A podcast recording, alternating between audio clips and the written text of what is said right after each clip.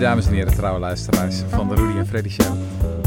Wij hebben momenteel in de studio Thalia Verkade. Ja, hallo.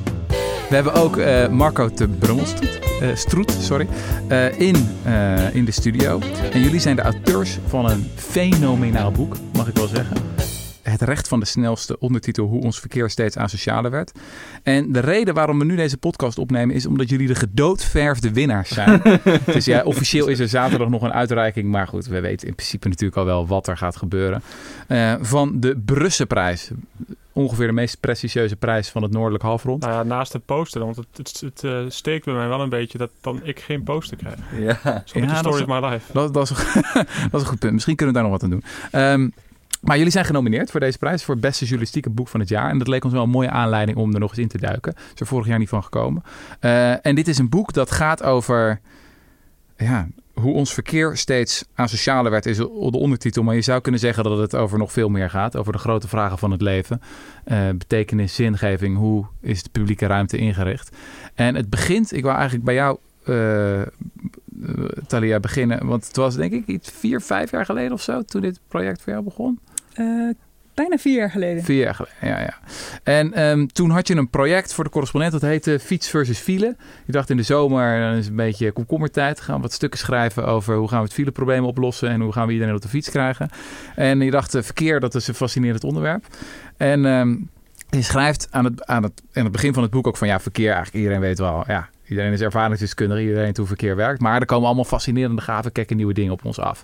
Uh, en die gaan alle grote problemen oplossen. Dus je hebt bijvoorbeeld, ik lees even voor, uh, elektrische auto's, Uber-taxis, deelfietsen die je open kon appen, slimme verkeerslichten die praten met je smartphone, speed pedelecs.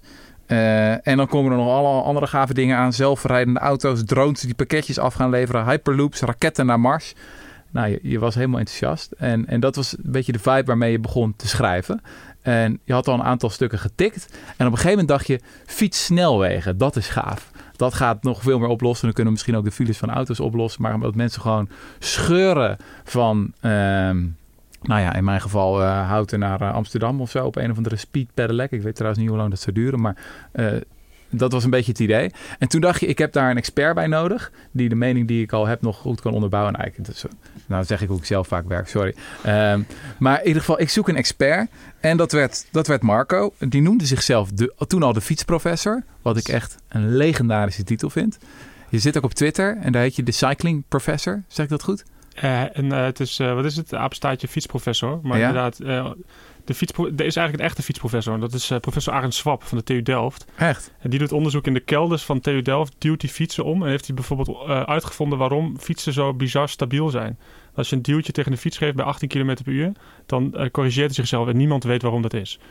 Dus om jezelf, je hebt dus de fietsprofessor, maar in het buitenland heb je dus de fiets als een zelfstandig naamwoord. En fietsen. En ik wilde mezelf, uh, ik wilde wel duidelijk maken dat het mij, mij betreft niet om het object gaat, maar om het om die act of cycling. Oh, ja, ja, dus dan ben je niet de bike professor, maar cycling professor. Mooi. Ja, ja, ja. Uh, ja ik heb jou heel vaak geretweet. Uh, want jij bent, ja, je noemde het zelf net de, de kattenfilmpjes onder, de, onder het urbanisme in het stedelijk ontwerp. Echt, jouw, jouw Twitter-account zit vol met echt fantastisch beeldmateriaal over, over verkeer. Um, en het doet vaak, vaak vooral goed onder mijn buitenlandse volgers, die echt helemaal met open mond zitten te kijken naar fietsen in Nederland. Maar goed, mensen moeten dat zeker even gaan bekijken. Uh, terug naar de, naar de fietssnelwegen. Jij was dus bezig met, met dat thema en toen dacht je van, nou, ik wil wel eens wat spreken met experts daarover. Um, inmiddels ben je trouwens, Marco, hoogleraar toekomsten van stedelijke mobiliteit. En toen gebeurde het. Jullie kwamen bij elkaar en neem ons even mee terug naar dat moment. Talia, jij zat dus helemaal in de vijf van technologische gave oplossingen. Yes. Hoe verliep dat gesprek? Ja, ik, uh, ik wou weten waarom er uh, bedrijven niet vaker een douche op het werk hebben. Want dan kon je lekker hard fietsen hè, over die fietssnelweg. Mm. En uh, nou, ik was er wel achter gekomen, is die fietssnelweg die kun je wel aanleggen. Maar ja, als je dan bezweet aankomt, dat zeiden mensen dan, ja, ik wil niet bezweet aankomen, zeiden mensen in de, in de bijdrage op de correspondent. En toen tipte iemand mij daar, of meerdere mensen wezen mij op iemand die fietsprofessor heette. En ik keek ook zo naar dat Twitter-account, dacht, dat is wel grappig. Uh, wel een beetje, ik dacht, wel een beetje hoe zeg je dat? Of een beetje ontnuchterende opmerkingen of zo. En toen uh, maakte ik een afspraak met, afspraak met Marco. En dat was uh, bij Amsterdam Zuid WTC in een bloedhete kas van een of andere fietsclub die daar tijdelijk uh, ondergebracht was. Cyclespace. Ja, uh, precies. Cyclespace. Die, maar het bestaat niet meer volgens mij, toch? Nee, het nu Bikes. Zo gaat dat. Ja. En uh, daar had hij voor uh, een afspraak uh, daarvoor. Hmm. en het was een heel warme dag. En toen kreeg ik het dus nog warmer. Toen ik helemaal geen antwoorden kreeg op mijn vragen. Maar Marco alleen maar vragen terug begon te stellen. Zoals waarom wil je eigenlijk het fileprobleem oplossen? En uh, nou, uh, ja, dat het een miljarden economische schade en zo. Ik uh, begon een beetje zo wat op te ratelen van mm -hmm. wat ik zo zelf uit de eter had geplukt. En, en waarom zijn dan fietssnelwegen problemen? Wat doet dat dan, denk je, met fietsers? Ik dacht, ja, wat doet dat met fietsers? Nou, die gaan dan hard, hard fietsen. en toen aan het eind van het gesprek was ik helemaal in de war. Omdat ik dacht, oké, okay, ik heb eigenlijk... Inderdaad, waarom stel ik nou eigenlijk deze vragen? Mm -hmm. Ik realiseerde me ineens dat ik dat eigenlijk niet wist. Dat ik dat deed omdat andere mensen die vragen stellen. En omdat we kennelijk met elkaar hebben besloten dat het fileprobleem uh, het grootste probleem is. Uh, dat we moeten oplossen. En er was één iets wat Marco zei en dat bleef echt zo in de lucht hangen. Uh, dat was, weet je waar je dat over zou moeten schrijven? Verkeersongevallen. En hij zei dat op een manier dat ik echt dacht dat ik het niet kon, kon negeren of zo. Zoiets. -hmm. Ik kon er ook niet goed bij, maar ik dacht wel... Nou ja, ik weet nou eigenlijk niet waarom ik zo bezig ben met zo snel mogelijk van A naar B komen. Dat gevoel zat er al een beetje in. Dus -hmm. compleet verward verliet ik die kas. Dat was een best wel schurend onprettig gesprek. En toen belde ik de redactie om te zeggen, ja, ik had dus een stukje klaarstaan. En was inderdaad, dat was echt een beetje quoteje halen. Gewoon, nu denk ik ook, ja, dat is ook zo'n... Het was niet uit, een, uit luiheid, want ik ging heel enthousiast in die weken ging ik naar iedereen toe en zo. Maar ja. ik had gewoon, zonder dat ik het door had, het kan zo'n vooropgesteld idee van wat het probleem was wat ik moest bespreken. Dus ik ging naar, uh, belde naar de redactie en zei, ja, ik heb nu echt zo'n gesprek gehad. Ik moet, dat stuk van morgen moet uitgesteld. En ik geloof dat het eerstvolgende stuk dat ik heb geschreven is van uh, waarom dit, moet dit project misschien een andere naam krijgen. Ja. Dat was helemaal in de war. Ja, ja, en toen ben ik eigenlijk met die verwarring uh, heb ik dat zomerproject afgemaakt. En toen werd het ook veel leuker, want het werd, veel, het werd een echte oprechte vraag in plaats van een, een invuloefening waarvan ik me eigenlijk niet realiseerde dat ik die aan het doen was. Ja, en dat lees je ook in het boek. Dat is er mooi aan. Er zit ook gewoon echt appgesprekjes tussen jullie in. Het is een hele leercurve die je... Ja, precies. Het boek, dat, nou ja, daar leggen we dit uit. Uh, dat is uh, hoe we elkaar hebben ontmoet. En vervolgens um, hebben we... Ik was uh, zwanger en ik ging meteen daarna met zwangerschapsverlof. En ik geloof dat de eerste die ik heb gebeld toen ik terug was... of contact heb opgenomen was Marco. ik moet hiermee door nu. Ja. omdat ik ook in die, in die latere weken dus van dat project Fiets versus File... kwam ik steeds meer gave mensen tegen. En oh, wat, nou, echt zo Alice in Wonderland. Een boom in het konijnenhol gevallen. En... Ja. Uh, ik dacht, hier moet ik mee verder. En uh, nou ja, toen zijn we inderdaad vooral op Twitter met elkaar gaan praten. Omdat, uh, ja, vaak aan de hand van nieuwsberichtjes, weet je wel, die, um, die dan langskwamen, had ik een vraag of stuurde Marco me iets toe via DM, dus de, mm -hmm. de persoonlijke berichtenafdeling. En ehm, ja, toen was eigenlijk al vrij snel ook duidelijk van hier is, dit is misschien wel een boek. Gewoon, dit, is, in, ja, dit, ja. Is, dit is zo groot. Voor ja. mij was dat. En toen dacht ik nog, ja, dat moet Marco dan maar schrijven of zo. Want ja, ik, ik ben dan een leek. En toen kwam op het idee van misschien is het heel goed om die juist precies die, die tocht te beschrijven. Dus dat je als een leek uh, uh, kennis maakt met die hele wereld die achter, uh, achter en onder onze straten ligt. Marco, kan je iets vertellen over jouw achtergrond? Hoe word je fietsprofessor? Ja, ik vond, ik vond het wel mooi om te horen dat ongemakkelijke en schurende gesprekken. Dat ik denk dat heel veel journalisten dat wel herkennen als ze bij mij langskomen. Uh -huh.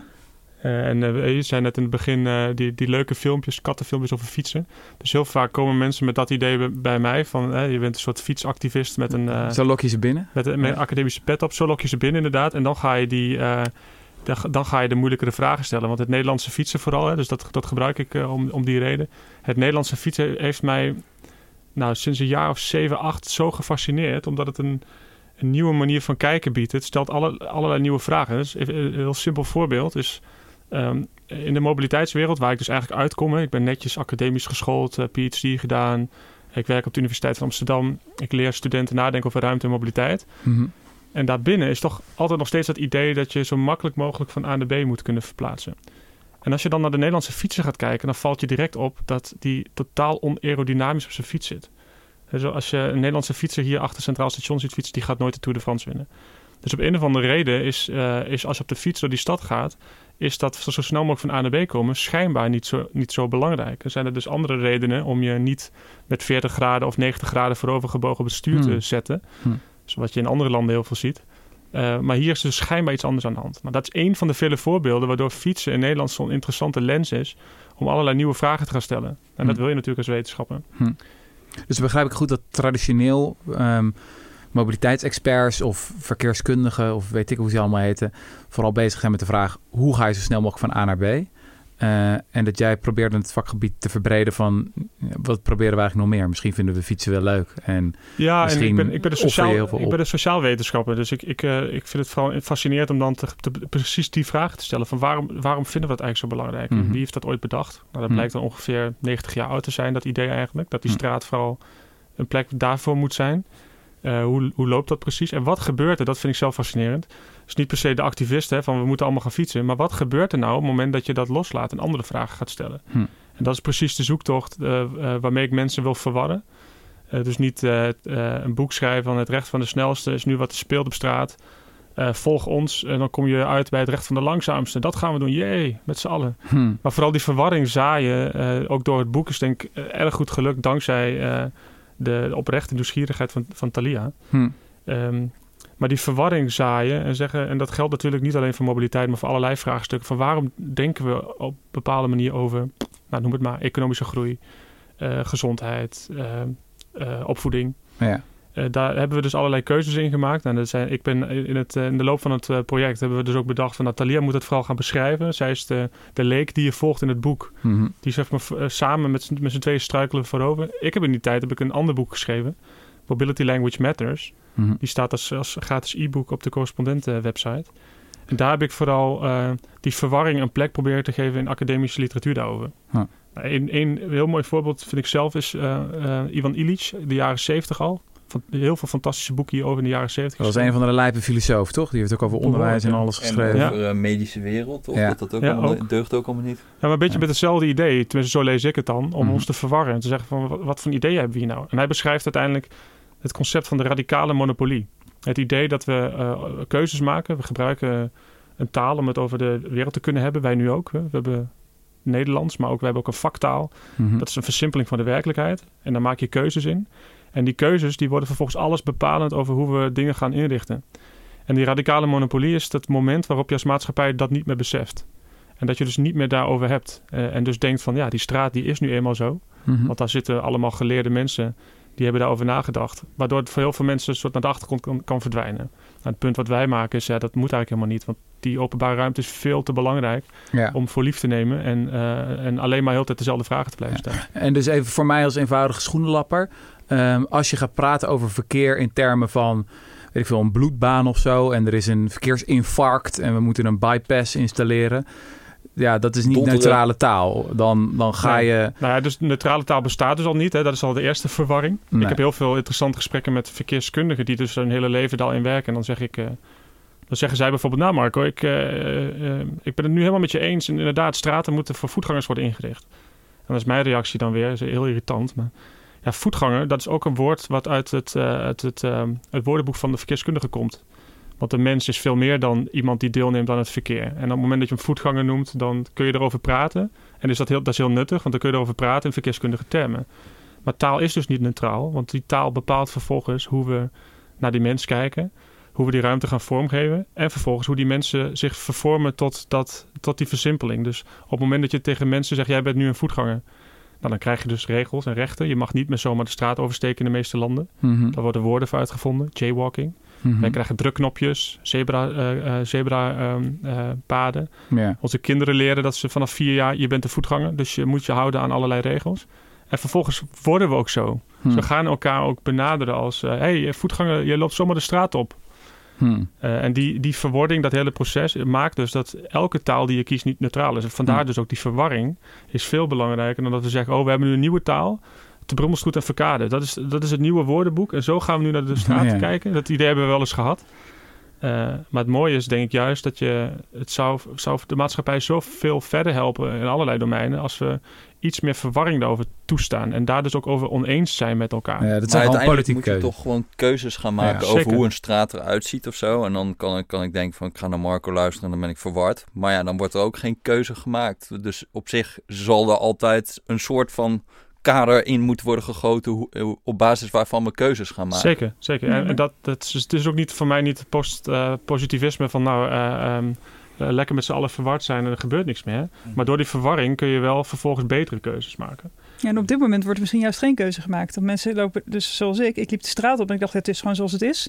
En dan zijn er, uh, nou, dus, ja, ik, ik, dacht niet eens erover na of er mensen waren die erover nadachten. Maar daar kwam ik dan uh, een stapje verder in het boek achter. Er zijn heel leger verkeerskundigen die dat dan voor ons inrichten. Mhm. Maar het is nu niet zo dat, er, dat we met elkaar uh, een gesprek hebben over waar, die, waar die straat voor zou zijn en welke keuzes je dan moet maken. Hè? Willen we inderdaad dat het voor voetgangers, fietsers en automobilisten is? Of is het een straat voor mensen? Of is het nog wat anders? Mhm. Het hele gesprek is nu niet gaande, omdat het een soort technocratisch is geworden. Het is een, verkeersruimte, dat is iets waar je allemaal uh, rechte lijnen kan trekken. Mhm. Zelfs de stoep is verkeersruimte.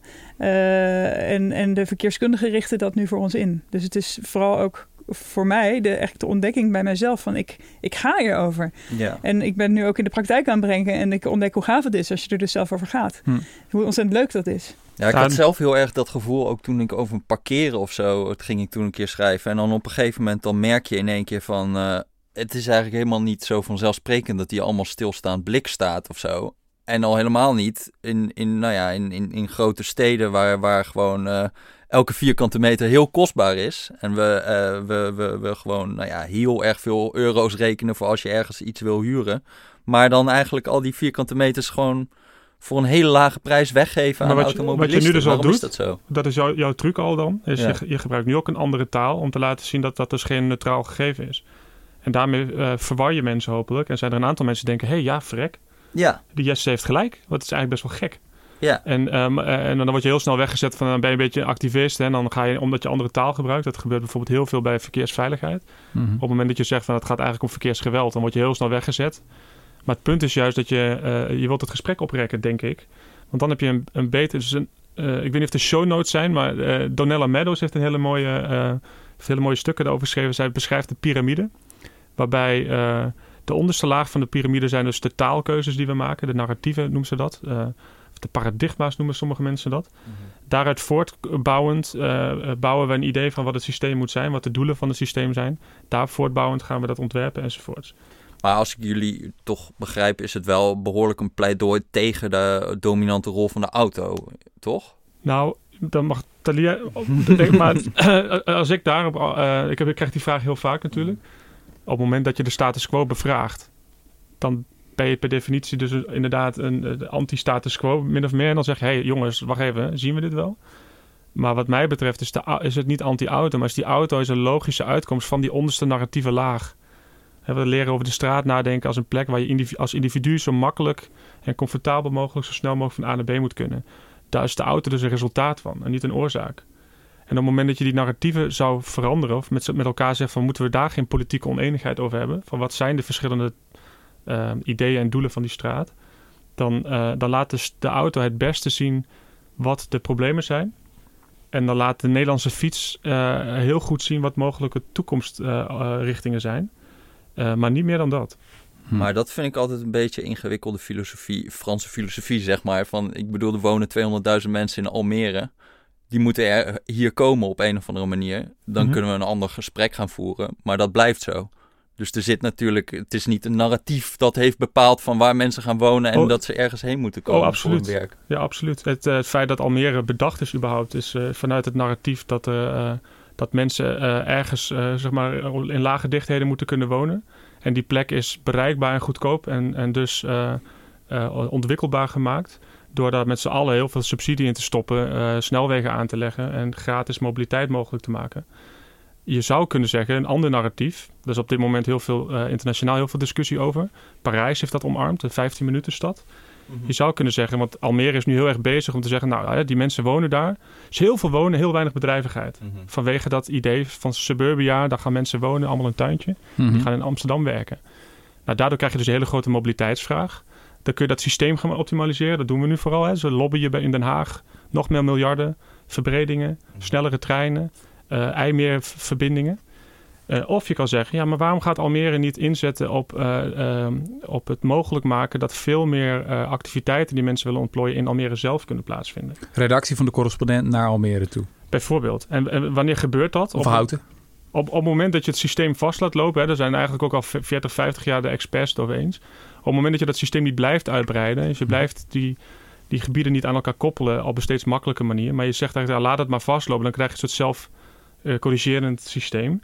En dat zie je ook al. Hè. Almere was in de beginjaren de plek waar de meeste start-ups waren. Omdat heel veel mensen geen zin meer hadden in die file. Dus ja, ik ga hier wel gewoon uh, ik, ik, ga iets doen waardoor ik niet meer elke dag in die file ja, hoef. Maar is dat niet ook wel heel erg... Kijk, dat, dat was volgens mij ook de gedachte van... Dat, dat je die in die ruimtelijke ordening had je op een gegeven moment... dat ze die, hoe heet dat, gebundelde deconcentratie of zo. Hè? Dus in de jaren zestig wilden ze iedereen die de stad uit wilde... wilden ze juist niet een soort van suburbanisatie... maar gewoon steden aanwijzen en daar moeten die mensen dan heen. Uh, weet ik veel, Spijkenisse voor Rotterdam en dan Houten voor Utrecht en dan Almere voor, uh, uh, voor Amsterdam. En volgens mij was de gedachte toen van als die mensen daarheen gaan, dan gaat het werk ook wel mee. Ja. Dus dan zal er vanzelf wel werk ontstaan in Almere. Nou, dat werd zelfs nog gestuurd. Hè? Dus er gingen overheidsbedrijven, uh, die, gingen, die werden verplicht om in Groningen bijvoorbeeld dat kantoor te openen. Ja. Uh, maar, op, oh, maar, als je op hetzelfde moment, dat, dat leerden wij dus onze studenten, als je op hetzelfde moment uh, mobiliteit steeds goedkoper en makkelijker maakt, gaan bedrijven op een gegeven moment weer schaalvoordelen zoeken. Dus die bedrijven die willen weer clusteren. En dat maken wij mogelijk. Het voorbeeld wat ik vaak gebruik, ik kom zelf uit de Achterhoek. -huh. Daar had je allemaal dorpjes. Uh, opa vertelt, maar in mijn tijd uh, hadden al die dorpjes een eigen Rabobank-vestiging. De Boerenleenbank. Dus, en, en, meestal ook nog wel een andere bank en twee supermarkten. En op een gegeven moment werd bedacht, ja, maar als je nou uh, dat verkeer wat er plaatsvond en steeds drukker werd tussen die dorpjes, als je daar nou een slingerparallel, klinkt ook mooi, een weg om die dorpjes heen. Dus eigenlijk niemand tegen, dus uh, gaan wat boeren, boerenland verdwijnt. En daardoor is het makkelijker voor al die mensen in die dorpjes om in Doetinchem naar de winkel te gaan. Nou, daar was niemand op tegen, dus dat werd aangelegd. Maar het gevolg daarvan, van dat narratief zou je kunnen zeggen, mm. om die machine zeg maar makkelijker te maken, is dat de Rabobank uiteindelijk besluit, dat duurt dan 10, 15 jaar, wij hebben nog maar één vestiging nodig en die zit in Doetinchem. Want daar kan iedereen in dezelfde reistijd komen als eerder. Uh, en dat levert ons ontzettend veel schaalvoordelen op. -hmm. Waardoor mijn vader nu, als hij naar de, naar de Rabobank gaat, nou ten eerste al een veel minder persoonlijk gesprek krijgt. Maar dat heeft met van alle andere dingen te maken. Maar die is net zo lang onderweg naar de Rabobank. Alleen moet hij dat nu met de auto doen. Er is geen andere optie meer. Mm -hmm. Nou, dan is de vraag natuurlijk, dat kun je niet van vandaag op morgen veranderen. We gaan niet nu zeggen, ja, dan gaan we in Almere, uh, gaan we vanaf morgen dat anders doen. Maar dat narratief waaruit Almere ontstaan is, is een narratief waar we 70 jaar lang aan gewerkt hebben. Mm -hmm. dat, is, uh, dat hebben we met elkaar bedacht en daardoor gemaakt. Dat betekent, en dat is wat het boek probeert te zeggen, als we over 70 jaar iets anders zouden willen, dan begint het met nu uh, met elkaar oneens zijn over welke narratieven zijn er dan allemaal mogelijk en welke toekomsten kunnen we daarmee creëren. Nog even die geschiedenis uh, ontdekken, want dat, dat vind ik een van de fascinerendste dingen in het, in het boek. Als je ontdekt dat iets een geschiedenis heeft en dat ooit begonnen is, dan wordt het ineens een stuk minder vanzelfsprekend. Je zei al van, er was ooit een moment dat de straat een, andere functie had. Dat het niet alleen maar ging over zo snel mogelijk van A naar B. Uh, dat is ooit ontstaan, weet je. De auto is ooit gekomen. En we hebben ook ooit, uh, zijn we snelwegen aan gaan leggen. En vervolgens kregen we het fileprobleem. De eerste file was, wat was het? Uh, in de jaren Pinksteren. 50 of zo ja. uh, in, in Nederland. Knop het Oude Rijn, Pinksteren in, ja. ja. volgens mij eind jaren 50. Ja, en daar gingen mensen echt naartoe. Dat vonden ze echt een heel, hele happening. Zo van, wat gebeurt hier? Er staan allemaal blik achter elkaar. Heel gek. Um, en toen kregen we het fileprobleem. En een, een van de heel vette passages in het boek vond ik, Talia, als jullie beschrijven van um, hoe gewoon generatie na generatie politici dat fileprobleem heeft proberen op te lossen door er meer asfalt tegenaan te gooien. Maar dat heeft niet echt gewerkt, of wel? Um, nou ja, het gevolg is dat er nog meer mensen in de file staan dan, dan ooit. Hoe, wer um, hoe werkt dat? Waarom kan je niet gewoon meer...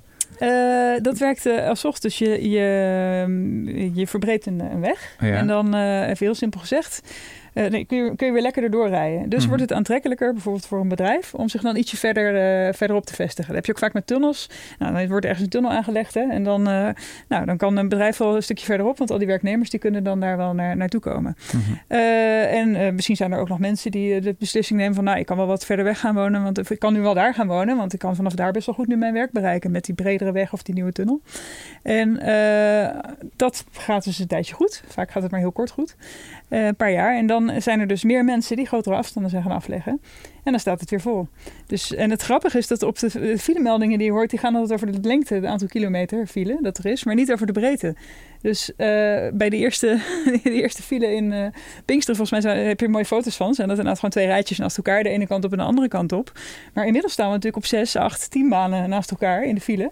Uh, dus het aantal mensen dat in de file staat en ook het aantal mensen dat überhaupt grote huh? afstanden aflegt. Jij wil eigenlijk het aantal groter. vierkante kilometer file. Hè, maar die zit, is het serieus zo dat het wordt gemeten op, op gewoon de lengte. Terwijl dat is absurd Ja, om dat naar te kijken. Want dan kan je, de, dan kan je de weg verbreden. Maar ja, dan sta je in een lekker breder rijden. Ja, dan maakt dat het geen is ene dus- zak uit. Dat is dus best wel maf als je erover nadenkt. Het is ook wel weer logisch. Want als je in de file staat, zelf als automobilist, en je hoort het op de radio, nou, dan wil je misschien vooral weten hoe, hoe lang het nog duurt. Weet je wel? En dan is die breedte minder van belang. Maar als je er als maatschappij over, over, over het fileprobleem praat, is het misschien handig om je te realiseren dat er dankzij al die snelwegverbredingen meer mensen in de file staan dan ooit. En ook nog eens, eh, mensen zitten, er zitten minder mensen in per auto. Eh, in auto's. Mhm. Dus je krijgt, je krijgt vooral enorm veel eh, eh, nou ja, mensen in, in een groot stuk blik, zeg maar, die daar achter elkaar Ja. staan. Dat vind ik ook. We hadden het net, Marco en ik hadden het voordat we hier binnenkwamen over het Gatezeug. Dat is een, een eh, Oostenrijkse wetenschapper die voor de grap een ding heeft uitgevonden. eh, Herman Kno Knoflager heet hij. Mhm. Die, ehm, eh, dat je aan kan trekken. En dat is dan zo groot als een auto. Maar het, is alleen maar, zeg maar, het zijn alleen maar wat houten latjes. Maar dan ben je zo groot als een, zo groot als een auto. Mhm. En als je dat je voorstelt dat dat eigenlijk gaande is in de file, dat we daar allemaal zitten met zo'n zo'n ding om ons heen, Mhm. dan zie je ook heel eh, snel in wat, eh, dat, het, dat het niet zo vanzelfsprekend is dat we Hmm. dit allemaal doen, dat we hiervoor kiezen. En Dus daarom meer is het volgens asfalt mij- trekt dingen eigenlijk meer uit elkaar. Mensen kunnen dan verder van elkaar. Nou, het, is niet alleen, het is niet alleen asfalt. En Ja. dat is, hè, want eh, we hadden net een, een- inderdaad een Frans, Frans filosofisch gesprek over taal en, eh, en de verwarring op dat niveau. Mhm. Eh, dat wil niet zeggen dat alle talen, zeg maar, eh, dat je zegt, nou, iedere taal is, eh, is even eh, valide. Mhm. Eh, dus je kan ook talen aanvallen op eh, kloppen ze wel. Mhm. En de verkeerskundige taal, dat staat ook in het boek eh, mooi beschreven. Ehm, zo- je zou kunnen zeggen, maakt één hele grote denkfout. Mhm. Namelijk dat ruimte gefixeerd is, fixed.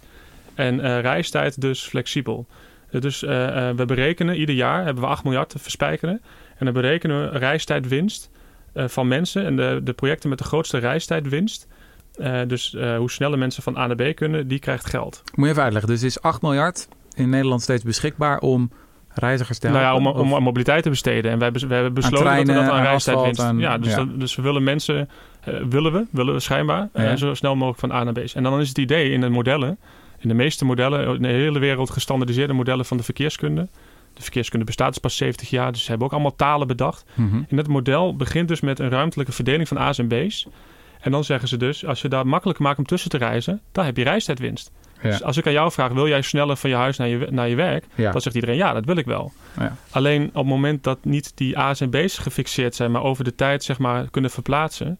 En wat blijkt nu, of blijkt eigenlijk al 40 jaar, onze reistijdbudget per dag is gefixeerd. Dus we hebben een vast reistijdbudget wat we ongeveer willen spenderen. Daar zijn heel veel verhandelingen over. Is ongeveer anderhalf uur per dag gemiddeld per persoon. En dat blijft ongeveer constant. Dat betekent als A's en B's kunnen verplaatsen, maar de reistijd gefixeerd is, dat we helemaal geen reistijdwinst boeken. Maar dat we door, die, eh, door te investeren in makkelijk van A naar B te reizen, die A's en B's uit elkaar groeien. Ja. Dat is niet alleen met asfalt, dat is dus ook met fietssnelwegen. Met snellere fietsen maken we het voor meer mensen mogelijk om verder te reizen. Er kunnen hele goede redenen voor zijn. Mhm. Maar daarmee maak je dus weer mogelijk dat die, dat die machine zeg maar, uit elkaar beweegt. Dat geldt ook voor het snellere treinen. Dus het, de focus op reistijdwinst, zou je kunnen zeggen, is de, is de, leidt tot eh, hele sterke perverse effecten die nu niet mee worden genomen. Ja. Ja, dat valt mij ook op als je die MK of de maatschappelijke kosten-batenanalyses gaat lezen en zo. Dan wordt daar altijd reistijdwinst geponeerd. Wat natuurlijk niet waar is, want uiteindelijk wordt, blijft het constant en gaan mensen inderdaad gewoon eerder in Almere wonen. Als je, ik bedoel, Almere zou naar huidige omvang niet kunnen bestaan bijna, waren het niet voor dat er telkens snelwegverbredingen Nou, je zijn. kan dan, er zijn heel veel wetenschappers die bezig zijn. Je moet dus bereikbaarheidsbaten meten. Dat is dus hoeveel eh, relevante dingen kun jij bereiken in die reistijd. Mhm. Nou, dan ga je dus ook bijvoorbeeld nadenken of moeten we dan in plaats die snelwegverbreding, kunnen we dan niet beter basisscholen eh, maken op, op slimmere plekken? Mhm. Of eh, supermarkten eh, eh, helpen om kleinschalige te zijn met subsidies. Daar kun je met 8 miljard ook heel veel bereiken. Ja. Eh, maar dan blijf je nog steeds, want die, die maatschappelijke kostenbatenanalyse is heel interessant. Want dat is dus eigenlijk ons gedepolitiseerde kader. Waardoor het net lijkt alsof we geen discussie meer over moeten hebben. Maar daar zitten bijvoorbeeld ook verkeersveiligheidskosten in. Dus we weten dat als we sneller gaan rijden, dat dat ook leidt tot extra verkeersdoden. Maar in plaats dat we dat gewoon op tafel leggen en zeggen... we gaan eh, als VVD willen wij dat we van 100 naar 130 gaan. Eh, dat scheelt 10 seconden reistijd voor een heleboel mensen. En wij vinden dat te billijken vanwege de bereikbaarheidsbaten. Maar dat kost ons vijf eh, ehm, verkeersdoden. Dus er wordt dit jaar dan vijf keer extra aangebeld bij iemand. Papa, mama of je kind komt nooit meer thuis. Mhm. Als je dat gesprek zou gaan voeren, dan vraag ik me af of, het niet veel, uh, of er niet veel betere uh, ideeën komen. En als, uh, of we niet veel beter met elkaar begrijpen dat er de keuzes, keuzes te maken zijn. Ja. ja. Ja, het is juist de bedoeling dat je die dan tegen elkaar af kan wegen in zo'n maatschappelijke. Dat ze gewoon een prijs plakken op een mensenleven van volgens mij is 2,2 miljoen in Nederland. Het is, uh, het is tussen de 1,8 en 2,2 miljoen. Maar dat heeft ook weer te maken, en dan ga je helemaal de diepte in. Maar dat is de manier waarop die onderzoeken worden uitgevoerd. Mm -hmm. Vragen we mensen als consument om een afweging te maken, net als dat je een telefoon koopt. Ja. Mm -hmm. Hoeveel is 4G je waard? Vragen we ook van welke route neem je uh, qua reistijdwinst en verkeersveiligheid. En onderzoek uit de TU Delft van uh, onder andere Nick Mouten laat zien dat als je die vraag anders stelt, dezelfde vraag, maar zegt van waar vind jij eigenlijk dat de overheid moet investeren? Want het is niet het geld uit je pocket als consument, Mhm. het is overheidsgeld. Mhm. Als je die vraag zo formuleert, neemt, die, uh, neemt dat bedrag uh, tot een factor 11 toe. Dus mensen vinden verkeersveiligheid, als je het ze zou vragen, veel belangrijker dan reistijdwinst. En ook de verkeersveiligheid van een ander vinden mensen veel belangrijker dan individuele reistijdwinst. Hm. Nou, dan kun je die discussies gaan voeren en zeggen: hé, hey, dan moeten we die MKBA aanpassen. Mhm. Maar je kan ook zeggen: ja, die MKBA is er pas na de hele discussie over de Betuwe-lijn. Mhm. Trouwens, qua taal ook een verschrikkelijk woord is, want dat ding ligt langs de A15, ligt nauwelijks door de Betuwe. Mhm. Dus de A15-corridor, dat spoor, daar zijn ongelooflijk veel rapporten over verschenen. En toen zeiden ze: ja, maar deze oneenigheid en al die experts die elkaar tegenspreken, daar moeten we niet meer willen. We standaardiseren dit. Dat doen we de maatschappelijke kosten-baatanalyse. Daar komt één getalletje uit. En dan kan die minister gewoon zeggen: dit gaan we doen.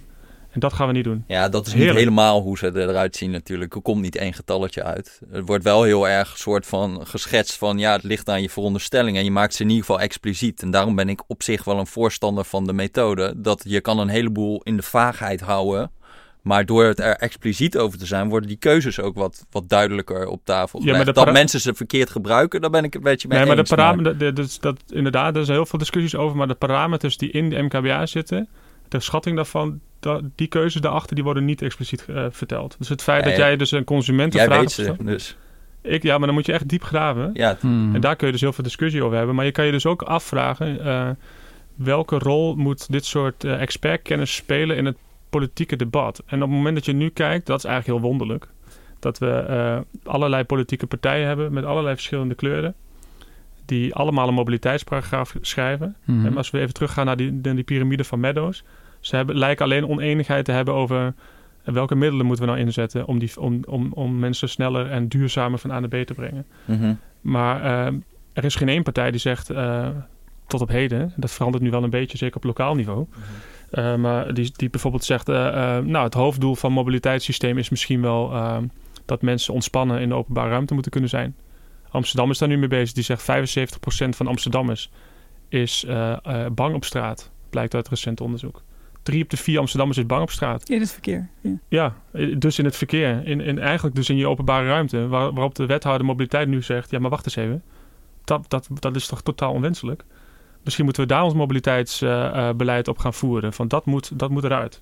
En dat moet, moeten we ook keuzes maken. En die keuzes moeten we ook expliciet maken. Maar dat zou dus een heel ander spel opleveren. Nou, probeer dat maar eens in de huidige MKBA te stoppen.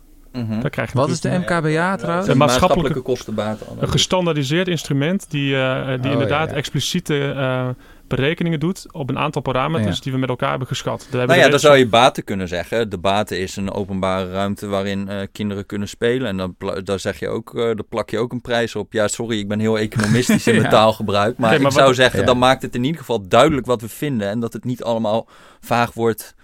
Weet- Ja, uiteindelijk is het natuurlijk ook een afruil namelijk. Tussen wil jij sneller op je werk zijn? Wil je ervoor zorgen dat mensen in Almere of eh, kunnen wonen? Of niet? Als je er als een econoom naar kijkt, wel ja. Dat is dus als je, de, als je de economische taal zeg maar, gebruikt, van we, we gaan alles in euro schieten, want dat is handig, want alles is een afruil, dan krijg je dat. Maar dan Dingen zijn ook dus een weer- afruil. dan, ik weet niet of je sommige dingen kunt, eh, moet zien als een afruil. Ik denk dat het ook weer een pervers effect heeft. Dat je eh, nou, bijvoorbeeld inderdaad verkeersdoden eh, gaat inruilen voor, voor reistijdwinst.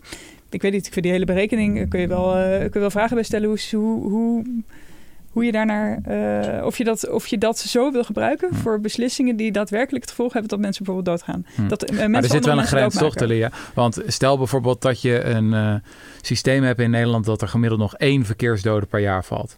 Maar, dat, zeg maar die, e- de enige manier om die ene echt te voorkomen is dat we zeggen: oké, auto's verboden. Weet je, Nee, dat zal je- waarschijnlijk jullie ook te ver gaan. Maar ik ben het wel heel erg mee eens van. Het is eigenlijk heel raar dat we een soort van accepteren dat er, wat is het, 600, 700 mensen per jaar doodgaan in Nederland. Twee mensen per dag niet thuiskomen uit het verkeer. Jullie schrijven ook dat het is iedere twee, drie jaar een watersnoodramp. En er is eigenlijk niet echt veel politiek debat of discussie over. Ja, ook als het gaat over dingen als verbreding van een snelweg of weet ik veel wat. We denken van, ja, kan dat eigenlijk niet, niet veel beter? En welke prijs, wat, hoeveel winst halen we met, met nog meer asfalt? Dan moeten we dat niet veel explicieter maken. Ja, ik denk vooral dus dat het gesprek erover eh, nu niet wordt gevoerd. En Ja. als ik, was me, ik was me er totaal Mhm. niet van bewust. Dus ik neem even mezelf als, eh, als uitgangspunt. Mhm. En wat je bijvoorbeeld doet als je de verkeersdoden gaat eh, kwantificeren. Dus niet dat ik nou vind dat je geen, geen prijs op een mensenleven mag zetten. Maar wat er bijvoorbeeld dan eh, eh, onzichtbaar blijft, is de, het verschil tussen eh, doodgaan in het verkeer. En doodgemaakt worden in het verkeer. Door een ander die dat per ongeluk doet, zonder dat hij wilt. En voor wie zijn leven ook, hè, de glans is eraf daarna. Oh ja. Als jij iemand hebt doodgereden, Mhm. nou, daar, dan word je, de, word je nooit meer echt een zorgenvrij wakker, denk ik. Nee. Ehm, dus, eh, en die, die hele vraag komt bijvoorbeeld niet ter sprake als je, als je hem niet op tafel legt en het in ieder geval daarover hebt. Ja. En wat er volgens mij gebeurt, is doordat je dan bijvoorbeeld zo'n MKBA hebt of zo'n zo'n instrument. En we, we hebben het er nu eenmaal zo over en we hebben alvast even de, hè, de, de parameters bepaald. En eh, ja, die verkeersdoden die zijn meegenomen. Dan is het dus best wel moeilijk, dat merk je nu al, om, om, om dat op tafel te leggen. Ja. Terwijl eh, doodgemaakt worden door een ander of iemand doodrijden is bijvoorbeeld een hele andere.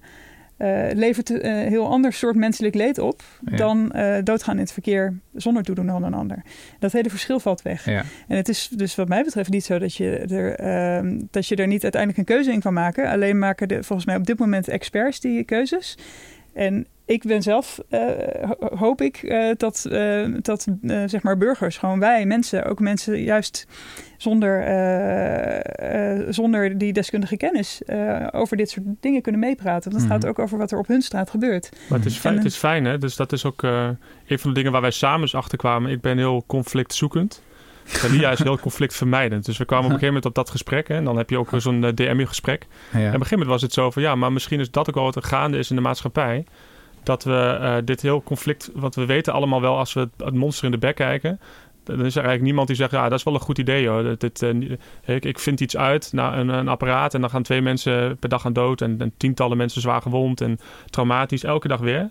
Dat is een goed idee. 17 kinderen per dag. 17 kinderen in Nederland zijn betrokken bij een verkeersongeval. Die kinderen in, in, de, in de groei van, van hun brein en hun lichaam... gaan daar de rest van hun leven last van hebben. 17 kinderen per dag. Vindt niemand een goed idee. Maar op het moment dat je dat eh, naar zo'n logische conclusie trekt... dan kom je in een enorm conflict situatie. Want dat betekent dat ons eh, makkelijk leventje... wat mogelijk gemaakt is door het systeem... eh, daar, ja, daar moeten we ook serieus over gaan nadenken. Dus het is, het is eigenlijk wel prettig voor een heleboel mensen... die hier dus het dagelijks mee te maken hebben. Verkeerskundigen. Drie jaar in taal gestudeerd. Mhm. Verkeerskunde. Die moeten ineens allerlei afwegingen gaan maken. Mag hier in deze straat... eh, gaan we accepteren dat mensen sneller dan 30 rijden... als de buurvrouw klaagt over veiligheid? Nou, dat is een hele belangrijke af, eh, uitruil, zou je kunnen zeggen. Ja. Om dat te doen is het natuurlijk het allerprettigst om te zeggen... ja, mevrouw, eh, we hebben hier een richtlijn. En die richtlijn zegt dit en dat.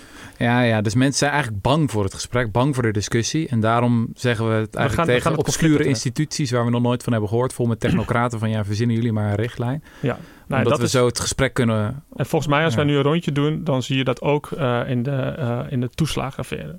Je ziet het ook in het klimaatdebat. Je ziet het ook bij, CO2, eh, bij, bij, ehm, de, eh, bij, bij, bij het coronadebat. Dat we Mhm. heel snel als maatschappij schieten in. We, we hebben hier een groep experts, die zijn neutraal. Die leveren de best mogelijke kennis op. En dan, en dan hebben we letterlijk een, um, uh, een demissionair minister-president die dan kan zeggen: uh, uh, Wij hebben hier niet per se een visie over, wij volgen wat experts zegt. Hmm. En op moment, dan moeten eigenlijk alle alarmbellen bij, bij de journalisten, uh, maar ook bij het uh, brede maatschappelijke debat moeten, moeten afgaan. En zeggen: Wacht even, nee, maar dat kan niet. Want ook experts zijn niet neutraal. Die geven Mhm. ons de best mogelijke inzichten. Hartstikke fijn.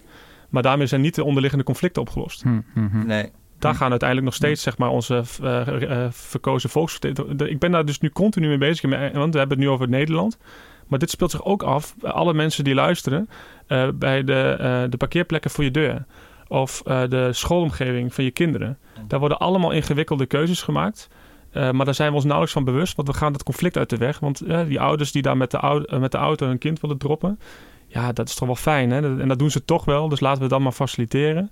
Waardoor die kinderen veel minder uh, veilig, veel minder groen, veel minder zelfstandig naar school kunnen. Mhm. Dat zie je afkalven in Nederland. Mm-hmm. Niet uit te drukken in, in baten die je ook maar op een of andere manier in een MKBA zou kunnen krijgen. En dan verliest, dan, dan vergeet, dat is die radicale monopolie van Illich volgens mij. Mhm. Dan vergeten we dat er eigenlijk een onderliggend conflict is. En dat is helemaal niet erg. Dat conflict moeten we opzoeken. Dat moeten we, dus we moeten veel heftigere debatten hebben tussen eh, lo- op lokaal niveau, eh, maar ook in de Tweede Kamer. Waar, waar is En, ja, en wat mij ook wel altijd opvalt, is dat een beetje wordt gedaan alsof eh, die vraag nou, naar auto's bijvoorbeeld nou eenmaal een gegeven is. Ja, ja. Dat, komt uit, dat staat los van het beleid wat we dan gaan voeren. Maar dat is natuurlijk niet zo als jij parkeerplaatsen beschikbaar maakt in de stad. Dus dat is nu een goed paper van, die, van Jos van Ommeren, zo'n econoom. Die heeft Mhm. dan gekeken, wat doet dat nou in eh, Amsterdam... dat we gewoon die wachtlijsten op laten lopen voor parkeerplekken. Nou, dan gaan mensen minder snel een auto nemen. Dus dat staat niet los van elkaar, al die dingen. Dus als we de, onze ruimte heel anders inrichten... en minder die auto faciliteren... dan zullen er ook minder auto's komen. Ja, het is niet zo heel ingewikkeld misschien, maar... Nee, maar je het ziet, is, het- je ziet dus, nou, dat begint eh, wederom, eh, dat wat ons verhaal is, is dat, dat begint bij dat narratief. Mhm. Eh, dus we moeten ons meer bewust zijn dat dat komt uit het idee van eh, we moeten mensen makkelijk maken van A naar B te gaan. Daardoor, onbewust, subsidiëren wij als Nederlandse staat, als burgers allemaal samen, dat hele systeem. Mhm. Dus die parkeerplaatsen in Amsterdam kosten nog geld. In Ede is het gratis. Mhm. En per auto heb je eh, nou, dus zeker vier tot zes parkeerplaatsen nodig eh, in, in het land, want anders werkt het niet. Dus we geven gigantische, in mijn kleine wijken zijn vijf voetbalvelden weggegeven aan, het opslag, aan opslag van privaat blik. Mhm. Dat doen we gratis. Met z'n allen betalen we daar dus aan mee. We hebben dan eh, eh, de, de stikstofuitstoot, waar we nu allemaal in vastlopen. Op een of andere manier lukt het ons niet om daar te zeggen: hé, hey, wacht eens even. Betekent dat niet iets voor het verkeer? Dat is ook een maatschappelijke kost. Dat we dus een Mhm. heleboel andere dingen nu niet kunnen doen. We hebben verkeersveiligheid. We hebben de snelwegen. We hebben verkeersongevallen. En alle gevolgen daarvan. Al die mensen die getraumatiseerd eh, zijn de rest van hun leven. En als je dat optelt, dan kom je echt op. ehm, nou, bedrag ik eh, rond volgens mij de 18 miljard is eh, wel eens berekend. En dat is nog een conservatieve berekening. Aan kosten die nu niet gedekt worden door de gebruikers van het systeem. Mhm. En dan gaan we zeggen, hè, dus we gaan mensen Nou eigenlijk ja, goedkoop... accijnsen, we heffen wel wat. Ja, ja die, die zijn er afgetrokken. Oh. Dus die, als je dat compenseert, dan, eh, dan kom je minimaal op 18 miljard per jaar uit. Wat wij als met z'n allen zeg maar, bijleggen in al die verstopte kosten. Mhm. Nou, dan gaan we dus eigenlijk mensen, zou je kunnen zeggen, als metafoor, gaan we goedkoop gesubsidieerd sigaretten laten roken. En dan gaan we met z'n allen gaan we het vooral hebben over nicotinepleisters plakken. Mhm. Terwijl En- we kunnen ook zeggen, zullen we daar eens mee stoppen? Zullen we eens eh, niet meer 18 miljard per jaar, zullen we die kosten gewoon bij de gebruiker leggen? Dan is het vrij snel afgelopen. Geen goedkope leaseauto's meer. En dan heb je 50% van de files opgelost, want die worden veroorzaakt door eh 1,8 miljoen leasewagens vooral. Gaan we nu files oplossen? Nou ja, bijvoorbeeld, dan heb je die kosten heb je dan, dan weg. Eh, eh, maar je hebt ook 1,8 miljoen auto's minder. Dat Mhm. zijn dus de 10 miljoen parkeerplaatsen die je minder nodig hebt. Dan reken het allemaal maar eens uit. Mhm. Maar hoe gaan die mensen dan... Want kijk, dat, er wordt wel makkelijk... Er zijn natuurlijk gigantische baten aan automobiliteit ook. Er is een reden dat mensen de keuze maken om in een auto te stappen. En dat, en, en dat we... Ik bedoel, volgens mij, wanneer is het? 1950 of zo nog? Hadden we in de Jordaan 85.000 inwoners per vierkante kilometer. Iedereen moest zo dicht op elkaar wonen. Het feit dat die mensen een auto kregen, betekende dat je op veel meer vierkante kilometers veel rijker kon gaan wonen in Almere op 100 vierkante ehm, meter voor veel la- lagere prijs. Met dus gigantische kosten voor de maatschappij. Mag ik het er wat persoonlijker maken? Want Ja. ik wil even bij jullie biechten. Ik woonde vroeger in Utrecht. Met veel plezier als student. Maar je wordt wat ouder. En eh, ik ging me steeds meer ergeren aan de drukte in de stad. En dan vooral op een gegeven moment hadden we fietsfiles. Dat je gewoon ja, bij het stoplicht staat met de fiets. En dan gaat hij op groen. Nou, dan wacht je en dan eh, hobbel je iets door. En dan gaat hij alweer op rood voordat je er überhaupt voorbij was. En toen dacht ik, nou, het is mooi geweest. Rutger gaat wat anders doen. En toen ben ik verhuisd naar het Paradijs Houten. nou, dat is echt een geweldige plek, kan ik je vertellen. Het is een fietsstad eh, al heel vaak geworden. Eh, want het is helemaal pro-fiets. Maar ik zal je wel vertellen wat ik ook heb gedaan. Namelijk, zodra we er woonden, auto gekocht. Houten, Houten heeft de hoogste autobezit eh, per hoofd van de bevolking van de hele provincie Utrecht. Voilà. En ik ben zo blij met die auto. Ik vind hem heerlijk. Ik ben speciaal voor de podcast ben ik wel ehm, met de trein de ben ik met de trein hier naartoe gekomen vandaag. Met de fietstrein zelfs. Eerst met de fiets naar stationnetje Houten, toen de trein gepakt. Eh, en ik zou je zeggen, ik vond het een totaal inferieure ervaring. Eh, dat had ook wel iets te maken met eh, de coronatijden, dat je met je mondkapje daar zit. Maar ik vind het gewoon heerlijk met die auto. Kijk, het moet geen file zijn, dan is mijn hele ervaring totaal verpest. Maar ik merk gewoon aan mezelf van hoe, hoe mensen in de richting van de VVD worden geduwd. Dat je toch denkt, doe nou maar wat asfalt erbij. Goed, ik ben nu eh, helemaal pro-rekening rijden. En ik hoef niet vaak naar Amsterdam. Ehm, toen ik het, toen ik het boek nu eh, nog een keer zat, zat te herlezen, ik had het vorig jaar gelezen, toen dacht ik van ja, is het niet ook wel erg veel geschreven van het, uit het perspectief van de, de stadse hipster, die het gewoon lekker vindt, gezellig, weet je wel, met het koffiewinkeltje op de hoek en alles dicht bij elkaar. Ja, zo, ik zit gewoon anders in elkaar. Maar ja, Zeg het maar. Ben ik, ben ik onderdeel van het probleem? Of wat is jullie analyse? Talia, jij mag eerst en dan mag nou ja, Het, het, het, het, systeem kost dus iets. En het systeem maakt mensen ook... Ik denk dat dat ook... Dat vind ik zo super interessante mobiliteit. Dat je dus... Je kunt het zien volgens mij in alle domeinen, alle onderwerpen. Hè? Eh, gezondheidszorg of corona of uh, uh, toeslagen. Er zit ook prachtige metafoor in jouw boek, Jesse... Die, die heel erg aansluit op wat wij schrijven volgens mij. wat ik denk is dus wat, wat, ik, wat ik heb geleerd of heb ontdekt uh, is dat dus hoe we iets inrichten uh, beïnvloedt mensen ook. Um, uh, dus het, natuurlijk, uh, maak een auto en subsidieer dat allemaal en richt het land zo in en maak dan één plek waar je heerlijk kan fietsen, maar waar je wel lekker met de auto naartoe kan gaan. En dan, dan is dat ook heel aantrekkelijk om dat te, te gaan doen. Terwijl je bent conflictvermijdend, hoorde ik net. Ik wil wel een conflict zoeken.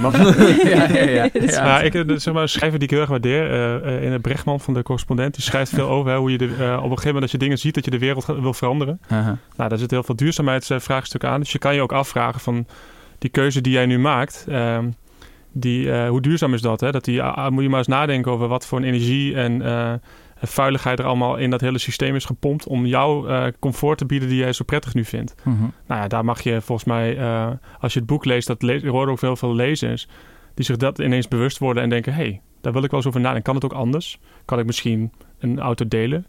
Uh, kan ik dan nog steeds hetzelfde comfort uh, halen? Oké, okay, mag ik het conflict opzoeken? Ja, ja graag. Weet je wat ook echt super comfortabel en heerlijk is? Uh, vlees eten. En dat is iets waar ik, ik eet af en toe vlees, maar jij meen ik niet meer. Omdat je zegt, ja, dat comfort geef ik gewoon op voor iets wat ik zo belangrijk vind. En uh, het is ook, we hebben het extreem makkelijk gemaakt om vlees te eten in Nederland met de bio-industrie. Het is extreem goedkoop geworden. Dus ik persoonlijk neem niemand uh, het kwalijk als uh, mensen vlees eten. Maar er zitten denk ik dezelfde soort keuzes achter. Ik neem het dus ook mensen niet kwalijk als ze auto rijden. Even voor de, voor de, voor de, de duidelijkheid. want ik begrijp, ik, en ik ken zoveel mensen die een auto gewoon, die gewoon echt niet zonder kunnen. Mm -hmm. Dus want dat, dat systeem, dat hebben we de afgelopen honderd jaar, of eigenlijk in Nederland nog korter, pas sinds de jaren 50, hebben we het echt allemaal zo ingericht. Mm -hmm. Dat iedereen die auto kon gebruiken en dus ook moest gaan gebruiken. Want mensen, je ziet het ook in de afstanden die mensen moeten afleggen naar hun werk. Dat is nu gewoon uh, eh, 30 kilometer of zo. Of eh, wat ze per dag mensen afleggen is, is, is, is 30 kilometer. Terwijl mensen vroeger natuurlijk maar een paar kilometer per dag aflegden. Mm -hmm. En dat allemaal binnen dezelfde tijd. Dus dat waar we het eerder over hadden. Een soort van centrifuge worden allemaal mm -hmm. verder uit elkaar geslingerd. Ja, dus uiteraard gaan mensen in auto zitten. Maar het kost gewoon veel. Het kost als systeem veel. En de vraag is denk ik of je, of je het of voor jou en, en, en uh, gewoon ieder individu mm -hmm. moeten vragen van stop er nou maar eens mee. Zelfs dus roken. Dus stop er nou mee man, dat is ongezond. Ja, maar we hebben het ook gewoon... We verkopen... Hoeveel uitgiftepunten zijn er ook weer? Nou, tienduizenden uitgiftepunten van tabak in Nederland. Ja. Dus als je... En dan kun je er de stickers op gaan plakken en zo. Ja, ja ik, ik moet er altijd wel om lachen. Dan staat er van... Uh, in, in dit pakje sigaretten zitten uh, 70 giftige stoffen. En dan denk ik, dan moet dat nog... Dan mis, die, die regel is eraf gevallen. Daar moet nog onder staan dit pakje bevat 70 gift, uh, giftige stoffen en die hebben wij erin gestopt. Ja, ja. Nou, dat geldt een beetje ook voor, voor, dit, voor al die dingen waarvan we misschien denken dat het wel of niet goed is. Hè? Dus autorijden of vlees eten. Of, daar kun je heel moralistisch over doen van dat moet je niet meer doen. Uh, maar de vraag is misschien meer dat we, kunnen we er gewoon bij, of, dat klinkt ook nog zo uh, aanmatigend. Het, ik vind het een bevrijding dat ik nu besef dat aan die, al dit soort dingen keuzes ten grondslag liggen. Mm -hmm. Daar liggen inderdaad dus narratief, het is een rotwoord, maar er ligt een taal en een bepaalde manier uh, van denken aan ten grondslag. En daar kun je het gewoon over hebben. Want hoe lang is 100 jaar nou op, weet je, in, in, in stedelijke ontwikkeling? Mm-hmm. Is 100 jaar niks. We leven nu in de anomalie die auto heet of zo, waarin, waarin iedereen een auto nodig heeft om naar zijn werk te kunnen. Maar dat was duizenden jaren daarvoor hebben we dat niet nodig gehad. Mm-hmm. En misschien in de toekomst. Weet je, en ik zeg niet dat, dat we... ging. ik bedoel, het is, het is natuurlijk ook wel, ja, het hoort bij, het is, het is wel economische ontwikkeling ook, toch? Dat we allemaal, dat, dat Rutger nu zelf de keuze kan maken van... Nee, maar kijk, wat, ik, wil, het, ik wil ook nog dadelijk ingaan op, op, ja. uh, op Rutgers, maar het punt wat je nu meerdere keren maakt is economisch. Maar dan moet je als economisch denker ook zeggen, dan moeten we dus niet meer subsidiëren. Nee, maar nee, daar ben ik... Kijk, okay. ik nee, vind maar, dat Rutger helemaal de tyfus belast moet worden om ja, ja, want, dat vind ik zelf ook, hoor. Nee, maar ja. waarom, waarom is wat dat heeft hier ook mee te maken. Ik vind het zo'n interessante conclusie dat alle alternatieve inferieure belevenissen zijn dat moet ons ook uh, laten beseffen wat er wel niet nodig is om dat systeem zo superieur te maken. Hm. Ga eens kijken hoeveel benzinestations er nodig zijn. Mhm. Die moeten bijna op iedere hoek van de straat een benzinestation hebben. Dat zie je nu met elektrisch rijden. Dat als je datzelfde eh, level van comfort wil bereiken, dat het bijna ondoenlijk is. Waarom? Omdat we dat systeem dus 70 jaar lang helemaal zeg maar, alle, alle ruimte hebben gegeven. Op het moment dat je de daadwerkelijke prijs daarvoor vraagt, dan is het voor heel veel mensen al veel minder interessant. Dan wordt het voor de mensen die het gebruiken, de auto blijft dan een fantastische uitvinding. Wordt het eigenlijk eh, eenvoudiger om het te gebruiken. En tot slot, en toch weer het narratief. Ehm, ik denk dat het ook helpt, dat heeft mij in ieder geval geholpen.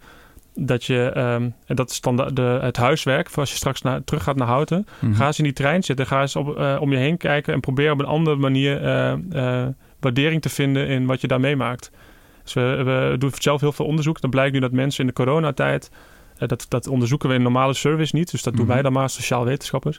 Blijkt dat heel veel mensen die met de trein reizen, de, de reis naar hun werk missen. En wat missen ze daaraan?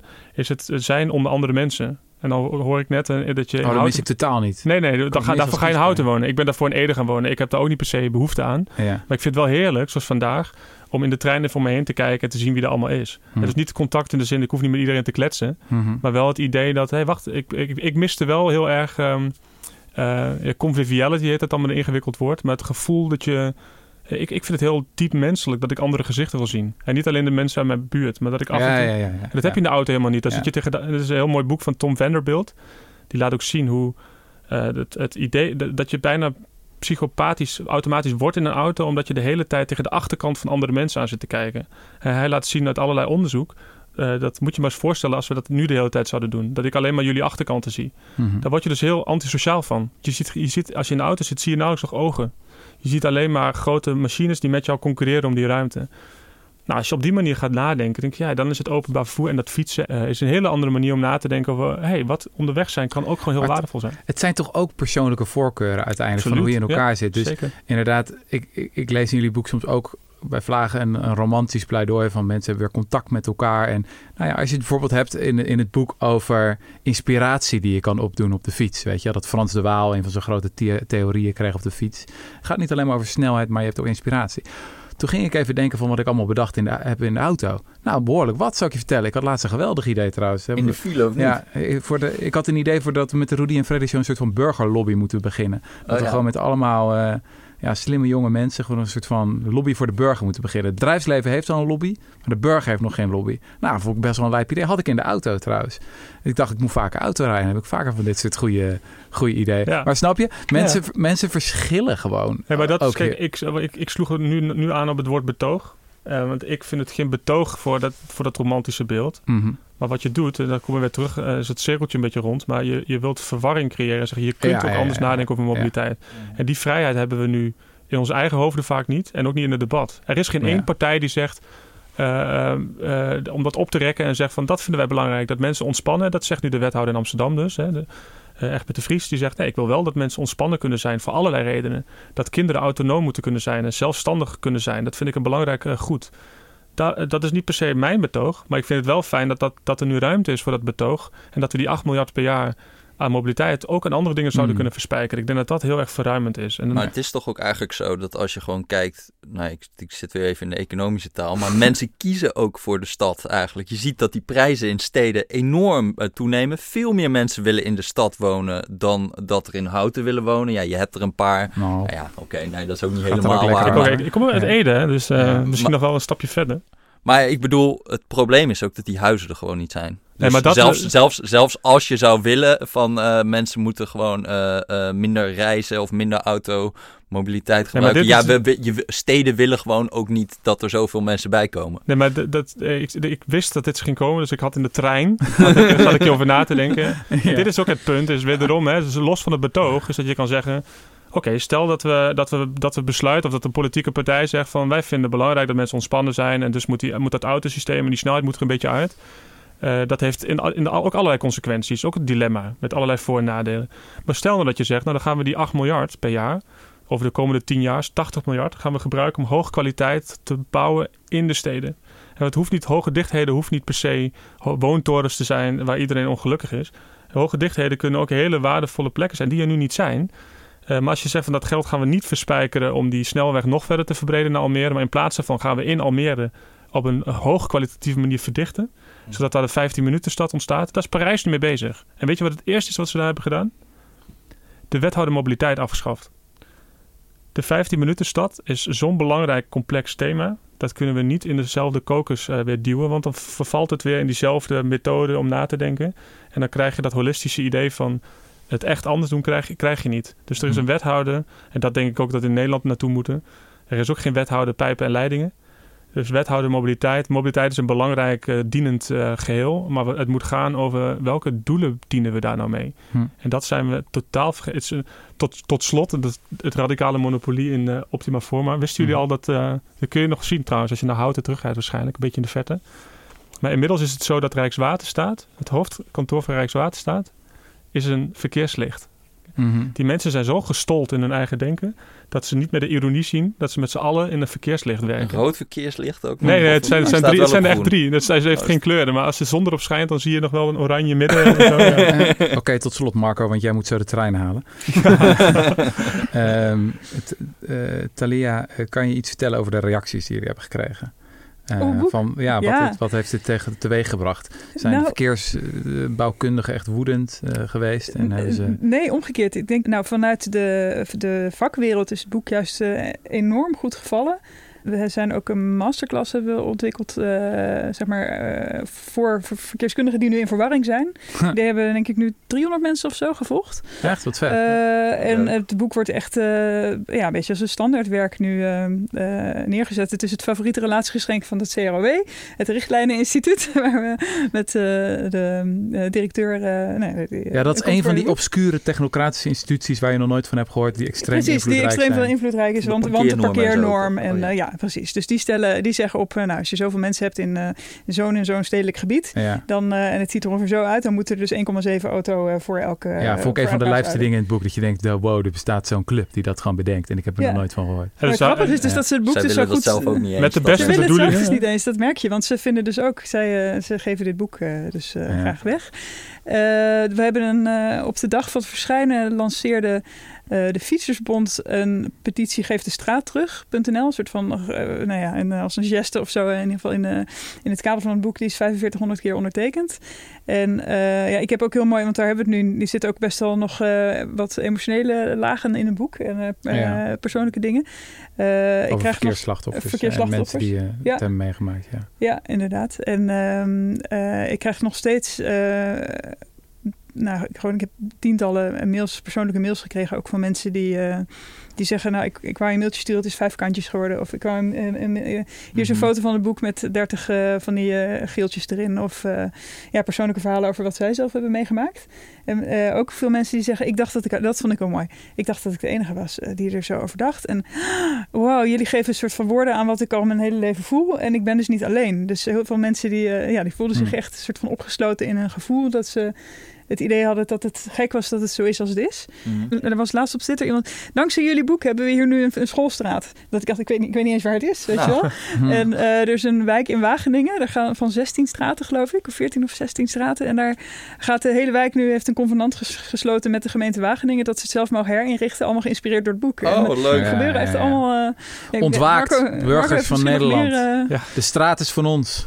Geef de straat terug. Ik vind Hij is de zwarte vlag. Geef de straat terug. Of de groene vlag. Dat is de cover van het boek is mooi groen. Nee, ik weet niet uh, wat ik nog vergeet, maar uh, die... Ja, ongelooflijk veel, ja. ja. ik, ik kan heel goed naar mezelf terugkijken nu. Ik dacht er zo simpel over, over die fietssnelwegen. Hè, en fietssnelwegen als oplossing voor het fileprobleem. Ja, als je op dat niveau zit, dan creëer je heel snel nieuwe problemen, denk ik. Uh, met de beste bedoelingen. Ik had de beste bedoelingen met het project. Uh, en voor mij is de grote realisatie dus dat de dingen inderdaad ingewikkeld in elkaar zitten. En door dat te benoemen, dat dat heel erg waardevol is. Want dan, dan heb je gewoon meer openheid van gesprek. Uh, mm. En het is niet meteen in die oplossingen modus schieten. Mooi. Ik ben blij zelf met de verwarring die, uh, ja, ja, die bij mij ontstond. En, heel veel dank voor jullie komst naar de studio. Marco, Thalia. Het boek heet Het Recht van de Snelste. Het is de gedoodverfde winnaar van de Brusselse prijs. Uh, Wordt gefluisterd. Hoe ons verkeer steeds asocialer werd. Ik vind het fascinerend. Uh, Toeledokies. Tabé. Nou, nog 15 minuten en dan gaat de trein.